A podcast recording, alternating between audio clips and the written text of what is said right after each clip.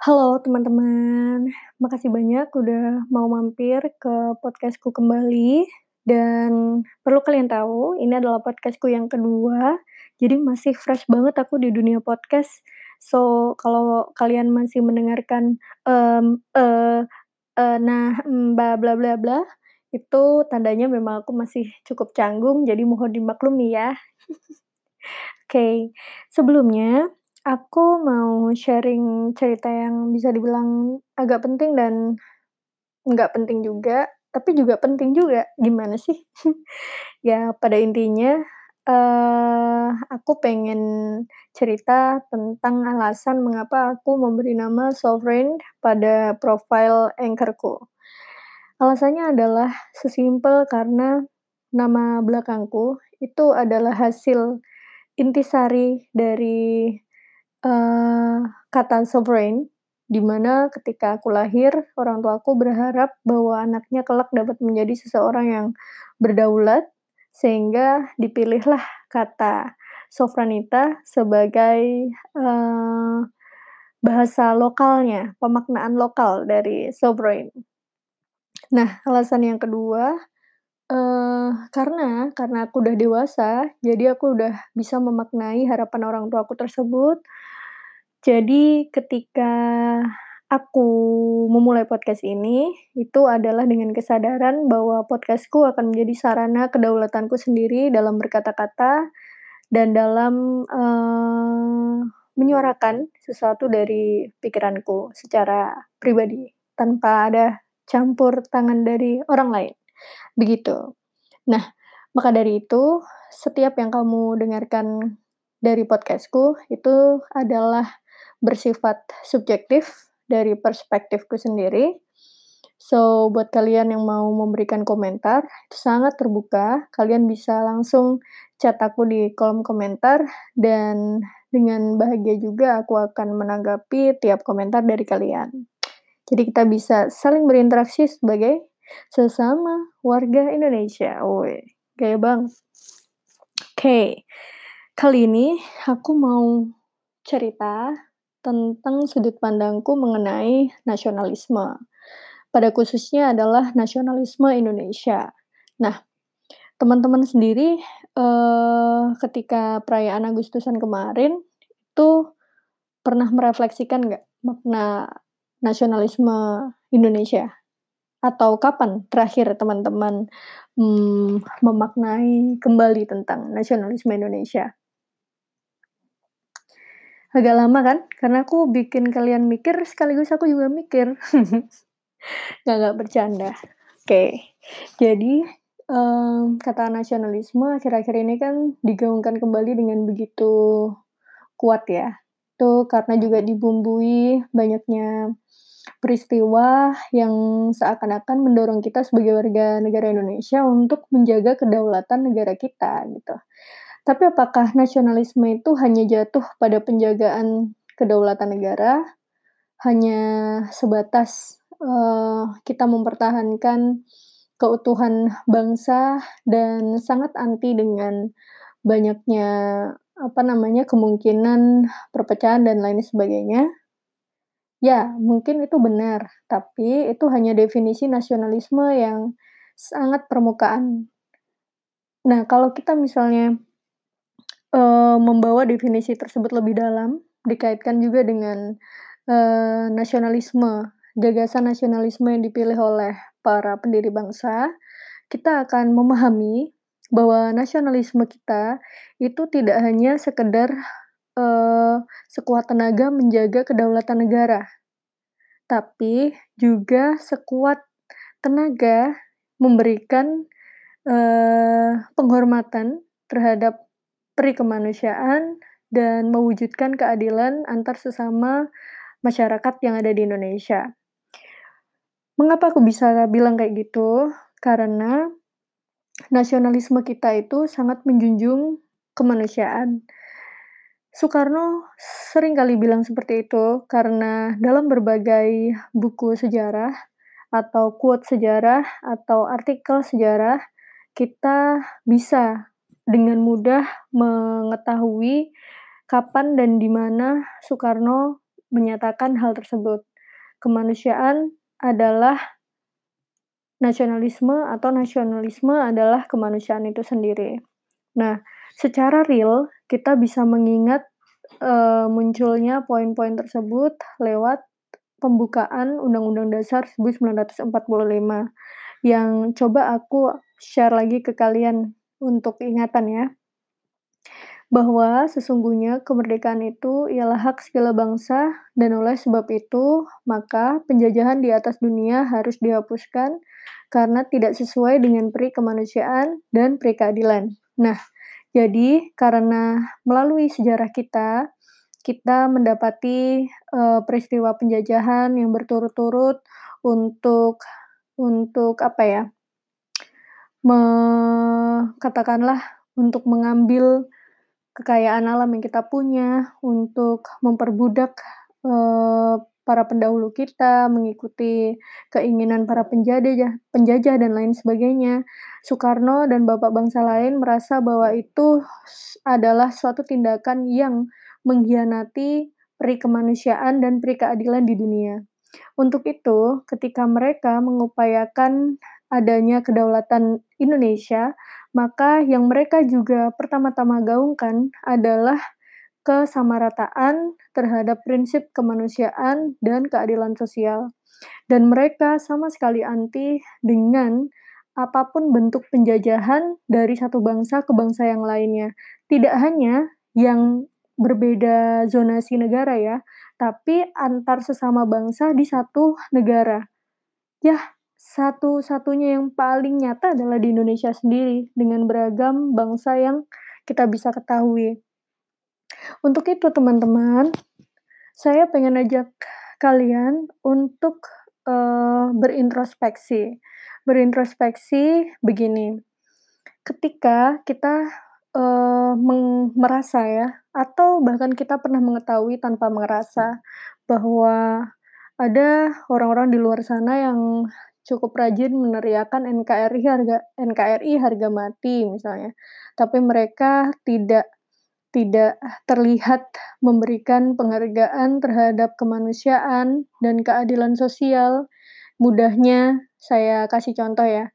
Misalnya NKRI harga mati, tapi mereka diam saja ketika ada saudaranya yang satu kota mendapati ketidakadilan dari pemerintah lewat misalnya penggusuran atau apa namanya um, penindasan karena mereka dianggap sebagai seseorang yang uh, me, me, apa ya bahasanya ya mengkhianati negara itu terlalu tinggi tapi membelot membelot terhadap negara sehingga kita, mereka mendapatkan penindasan lalu kita bisa tenang aja sambil bilang NKRI harga mati dan mereka memang pantas mendapatkan itu. Nah, itu kita perlu untuk melihat ke dalam diri kita lagi.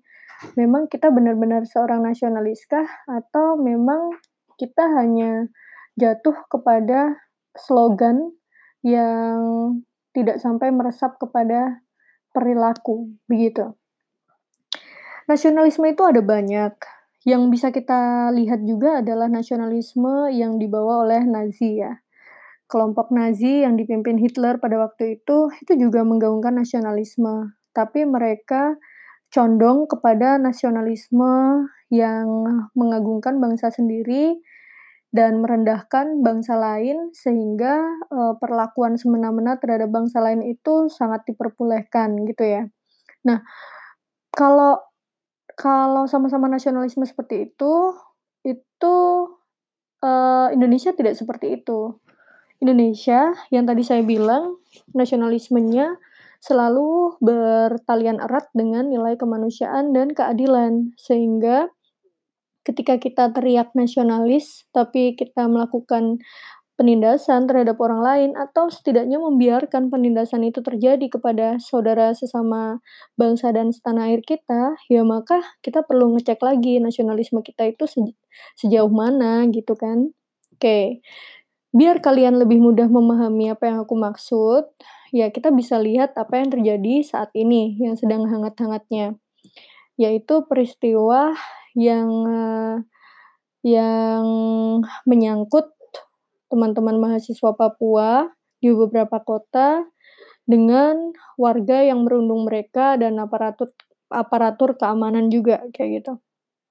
Nah, kalau misalnya kita atau orang warga tersebut ya, itu terindikasi marah dan kemudian dia merasa benar untuk mengatai teman-teman Papua sebagai monyet, sebagai, uh, teroris, sebagai, uh, pengkhianat negara dan lain sebagainya, maka apakah dia pernah ngecek dulu di hatinya bahwa ketika sebelum dia menyatakan kata-kata seperti itu, dia sudah memahami bahwa nilai kemanusiaan itu tidak memperbolehkan kita mengata-ngatai seseorang dengan buruk. Dijawab aja masing-masing di hatinya ya. Lalu itu sebatas kata-kata. Terus perundungan yang terjadi dengan main hakim sendiri. Kalau misalnya benar pun ya, masyarakat atau mahasiswa Papua itu, uh, terindikasi ingin memisahkan diri dari Indonesia, lalu kemudian kita melakukan tindakan main hakim sendiri kepada mereka dengan tujuan, uh, membalas perlakuan mereka yang buruk terhadap Indonesia, misalnya kayak gitu ya. Lalu apakah itu dibenarkan dengan harapan nasionalisme yang menjunjung tinggi kemanusiaan lagi-lagi? Kan tidak. Begitu pula ketika kita me menarik, uh, poin keadilan sosial dari nasionalisme bangsa Indonesia ya. Ketika teman-teman Papua menyuarakan, uh, aspirasinya untuk misalnya, uh, menyetujui keinginan kemerdekaan mereka sendiri, atau menyuarakan ketidakadilan yang selama ini mereka sering dapatkan, gitu. Kalau misalnya kita benar-benar ingat dengan tujuan nasionalisme bangsa Indonesia, kita pasti bisa melihat hal tersebut sebagai bentuk aspirasi dan introspeksi agar ke depannya kita bisa berbuat sesuatu yang lebih adil kepada mereka. Bukan dengan tindakan represif. Karena kalau misalnya saya lihat sejauh ini, kalau misalnya ada beberapa, uh, masyarakat yang menyuarakan ketidakadilan dan kemudian ingin keluar dari negara ini, kita udah melakukan pendekatan represif aja tuh, lewat ngata-ngatain atau ya me me main tangan dan sebagainya kepada mereka, memenjarakan mereka dan lain sebagainya. Kita seakan-akan jarang untuk mencoba mengetahui alasan di balik mereka menyuarakan gagasan tersebut. Semua kan pasti ada alasannya. Kenapa mereka ingin keluar? Alasannya apa? Sekuat apa itu? Apakah benar-benar terjadi? Kita nggak pernah sampai pada pemikiran sejauh itu, sehingga solusinya yang paling optimal nggak lain nggak bukan adalah penjara, penjara, penjara dan lain sebagainya. Nah, hal-hal tersebut yang harusnya menjadi pelajaran bagi kita semua. Kita semua tahu ya bahwa hal yang terjadi kasus konflik antara mahasiswa Papua dengan mahasiswa atau warga non Papua di Indonesia ini udah sering kali terjadi. Dan yang aku pengen garis bawahi, jangan sampai kita peduli kepada mereka itu hanya ketika kasus-kasus tersebut sedang muncul di permukaan. Ya kayak yang terjadi saat ini. Ketika kemarin ada masalah, maka banyak tokoh yang mengupload foto bersama Papua dengan hashtag kita adalah Papua, Papua adalah kita dan lain sebagainya.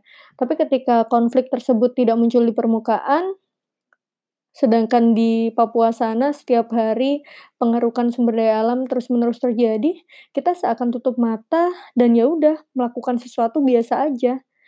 Membiarkan perundungan terhadap mereka, diskriminasi terhadap mereka terjadi sebagai sesuatu yang yang biasa gitu. Ya jangan sampai seperti itu. Kita itu ya itu tadi ya, cenderung untuk melakukan sesuatu berdasarkan, ya euforia. Apalagi sekarang udah zamannya media sosial. Jadi semua mudah dilakukan, euforia itu tidak hanya secara langsung tapi juga berbasis, eee, dunia maya.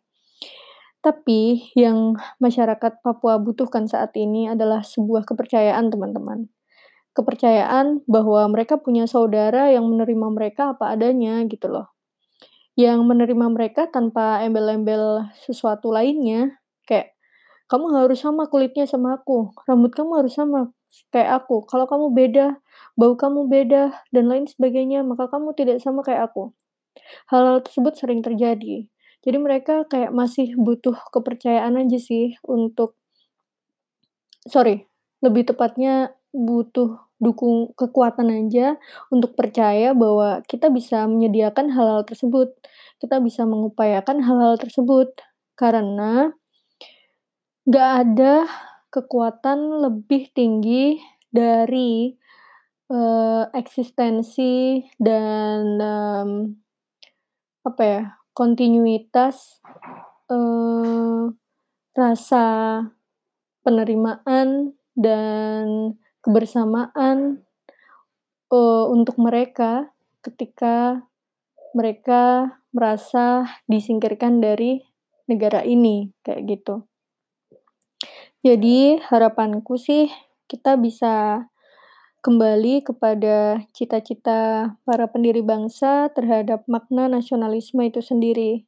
Karena sebenarnya itu sudah sangat bagus untuk kita jadikan moto dalam hidup, untuk bisa kita jadikan landasan dalam melakukan berbagai hal, agar kemungkinan-kemungkinan saudara-saudara kita di luar sana keluar dari negara ini tuh bisa kita redam, begitu loh.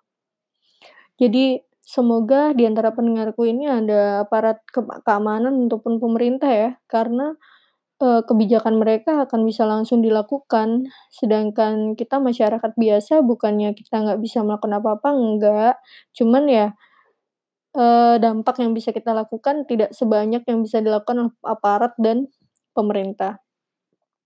Tapi jangan berkecil hati, buka tanganmu untuk setiap teman-teman, baik dari Papua ataupun dari suku lain, agama lain, ras lain, budaya lain, dan lain sebagainya, bahwa kalian menerima mereka apa adanya sebagai saudara. Dan udah, cukup tunjukkan itu, cukup pengaruhi orang lain agar mereka melakukan hal yang sama, sehingga ke depannya, eee, teman-teman merasa diterima dan tidak ada tidak memiliki alasan untuk meninggalkan Indonesia. Begitu sih, teman-teman. Dan sebagai catatan untuk, teman-teman Papua atau teman-teman daerah lain yang sudah kepalang kecewa dengan Indonesia dan satu-satunya opsi yang ada di hatinya adalah ingin mengeluarkan diri dari Indonesia. Eee, saya sebagai salah satu warga negara Indonesia sangat menyayangi kalian dan sangat menghormati, mmm, kesadaran kalian karena kalian pasti punya motif untuk keputusan tersebut ya. Tapi izinkan kami untuk memberikan satu kali lagi, eee, upaya dalam menunjukkan kesungguhan kami mempertahankal mempertahankan kalian sebagai saudara sebangsa dan setanah air, seperti yang diharapkan oleh para pendahulu bangsa. Begitu teman-teman, mmm, mari kita menjiwai nasionalisme, bukan berfokus kepada negara, bukan berfokus kepada kata-kata, tapi menjiwai nasionalisme juga dengan aplikasi nilai-nilai yang baik, yaitu kemanusiaan dan keadilan. Karena di situlah nasionalisme Indonesia bertumbuh dan mencapai titik, eee, kemerdekaannya hingga usia ke-74 tahun ini. Itu yang aku mau sampaikan dalam podcast-ku hari ini. Sekali lagi, kalau misalnya ada teman-teman yang mau sharing tentang pendapatnya, ingin menanggapi pendapatku juga, sangat diperbolehkan dan aku akan merangkul kalian dengan tangan terbuka. Mmm, berarti nggak dirangkul dong? Nggak nggak nggak. Ya udah begitu aja. Dadah, terima kasih ya.